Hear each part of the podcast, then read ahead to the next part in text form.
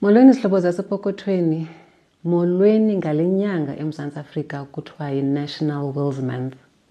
Bethuna incoko yokuqala yethu lena esiza kuba nayo yokuxhobisa wena sihlobo okokuba ukwazi ukuba zisebenza kanjani na ii-will zenziwa kanjani kwaye zingakunceda njani na ukuba ukhathalele abo baxhomekeke kuwe ukuze xa sele ungekho bangalambathi bangaphaci ke bethuna siyayazi into okokubana ikhona ingcingane ekhe ifike ethi heyi andinamali mna andisosinana akho nto ininzi endinayo ngoku ke ndingena phi mna Kwinto yee-wills ungaba uyazibuza uhleli kule ndawo uhleli kuyo.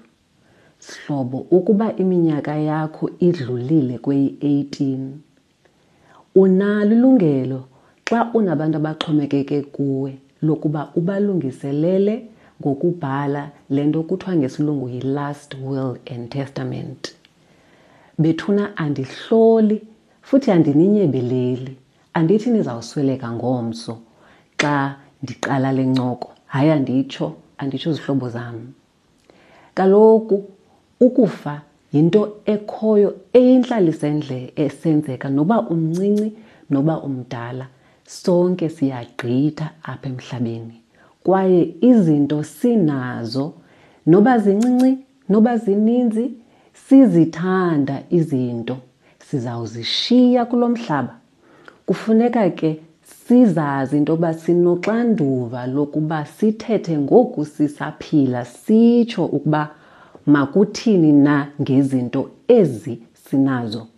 Kwaye abo baxhomekeke kuthi mhlawumbi nangezo zinto nangezimali sibahoya sibakhathalele kanjani na ngale nto kuthiwa yi-last will and testament nto leyo ethetha sele singakwazi thina ukuzithethela sekuthetha yona ithethela thina ithetha ngeminqweno nokuba kwenziwe kanjani na ngendlela wena ofuna ngayo Sitheke bethu naxa silungiselela ezi nkqubo siphicotha, saqonda uba masikhangele iingcaphephe abantu abanengqeqesho nobuchwepheshe bale mihla abakuyo le nto yokunceda abantu ngee-wills.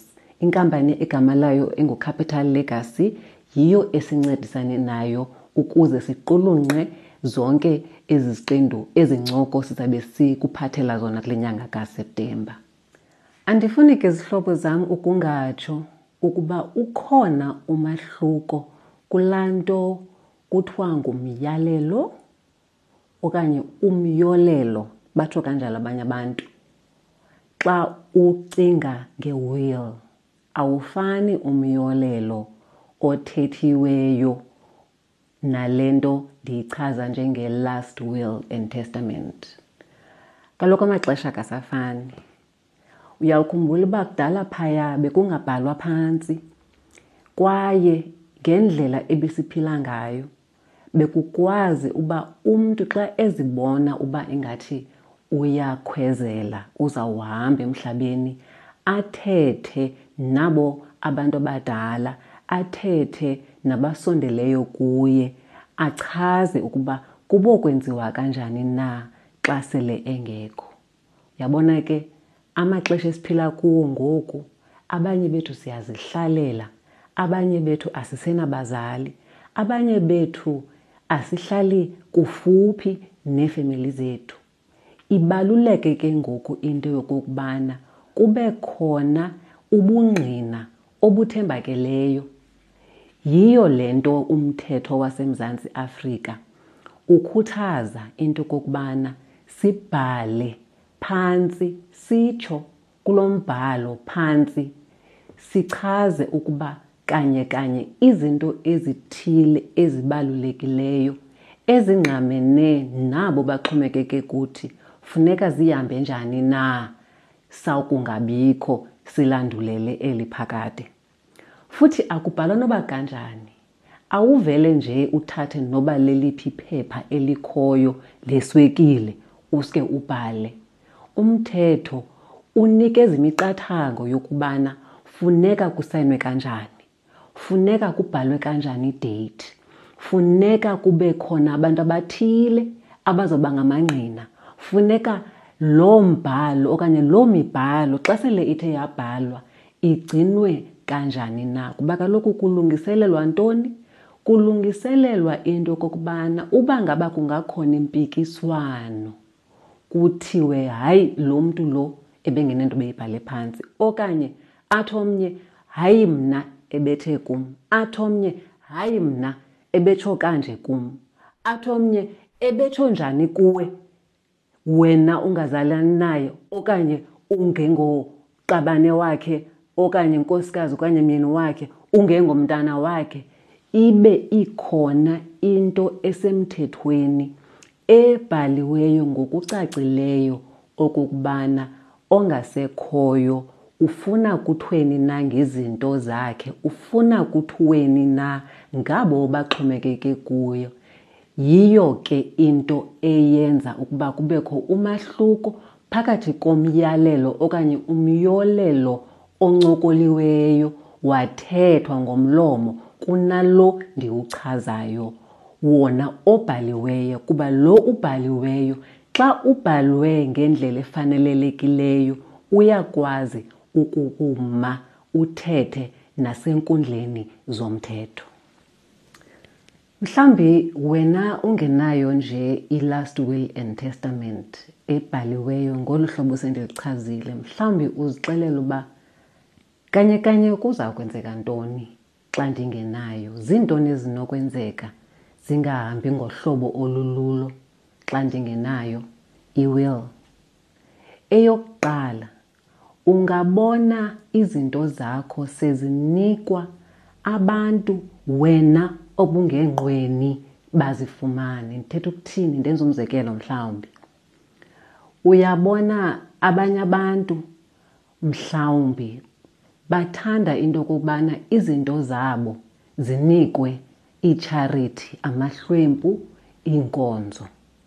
Hayi ngokuba bengenabantwana, Hayi ngokuba betheni bengavani neefemeli zabo hayi ngumnqweno into okunayo ngaphandle kokuba ubhalwe laa mnqweno abo baseleyo bazawukwenza ngohlobo ababona ngalo norhulumente angabanika kuba besondele bezizalamane kuba kaloku ngabo igazi nokuzalana elikhomba ukubana banxulumene nawe ube wena kanti mhlawumbi wagqibela kudala kwa ukugoduka okanye ngezizathu zakho awusathethisani nosapho kodwa uba awubhalanga phantsi awunayo icontrol awunayo indlela yokwenza into kokubana xa sele ungekho iminqweno yakho kwenziwe ngayo Okwesibini, wena mntu uneqabane masithi uhlala nalo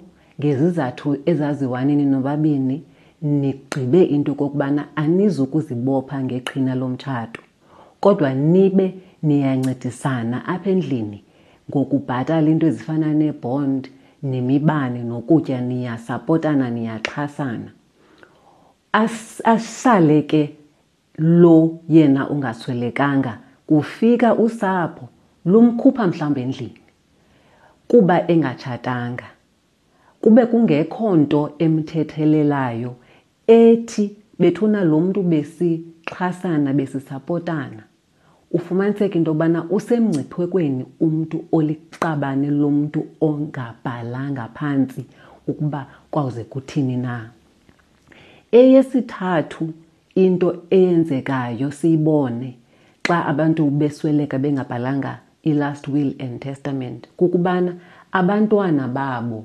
babasemngciphekweni wokuba babesezandleni zikarhulumente laa ngxowamali kuthiwa yi-widows and orphans fund siyayazi ke zihlobo into yobana into ezidibaniselene norhulumente zihamba ngokucotha into leyo engenza into okokubana balambe abantwana Imali ikhona, ukanti ukuba mhlawumbi umzali ebebhalile phantsi ukuba iimali zisetyenziswe kanjani, ibe ngoobani ababela aba bantwana babankinkishele kangakanani nangeemali ngoku bangekafiki kwiminyaka yobudala, ukutsho ko i-adulthood, uyawufumaniseka into yokokubana iyenzeka imasi yokokubana xa umzali engabhalanga phantsi, bazibone abo bantwana iimali zabo zivalelekile zihlelwa phaa ngurhulumente nokuba baphile kanjani na.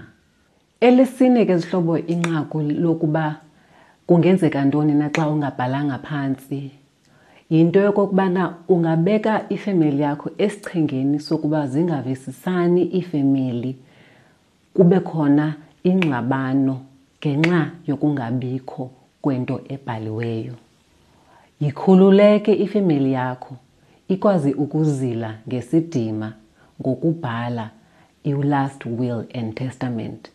Ubhalelwa okanye ubhala ngoncedo lwabantu abaqeqeshiweyo abazokwazi ukuchophela imicimbi yakho xa sele ungekho ukwenzela uba uxanduva lungaphindi luwele kwaba bantu basalilayo bazilileyo.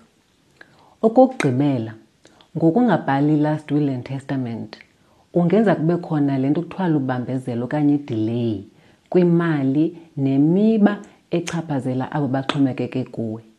Ayimnandanga ke loo nto leyo kuba kaloku ukuswelekelwa yinto enzima. Ngokubhala ke i-last will and testament wenza noko kube lulanyana kwabo baseleyo. Sihlobo, into yokubhala phantsi i-will ulungiselela abo baxhomekeke kuwe, usapho lwakho nabantwana, linyathelo lokuqala Linyathelo lokuqala amanye aseza sisezawuncokola ngawo ukuze ukwazi ukuthi ungena kolu lungiselelo ube uneenkcukacha ezilulutho eziluncedo kuwe. Ungalibali ke ukuthumela neminye imibuzo enokukuvukela apha evekini ukwenzela uba kwiveki elandelayo sikwazi ukukuphendulela. Sibulele kwakhona kwabakaCapital Legacy ngokusixhasa kwesi siqendu nakwezi ncoko zikaSeptemba. Masibonane ngethuba elizayo.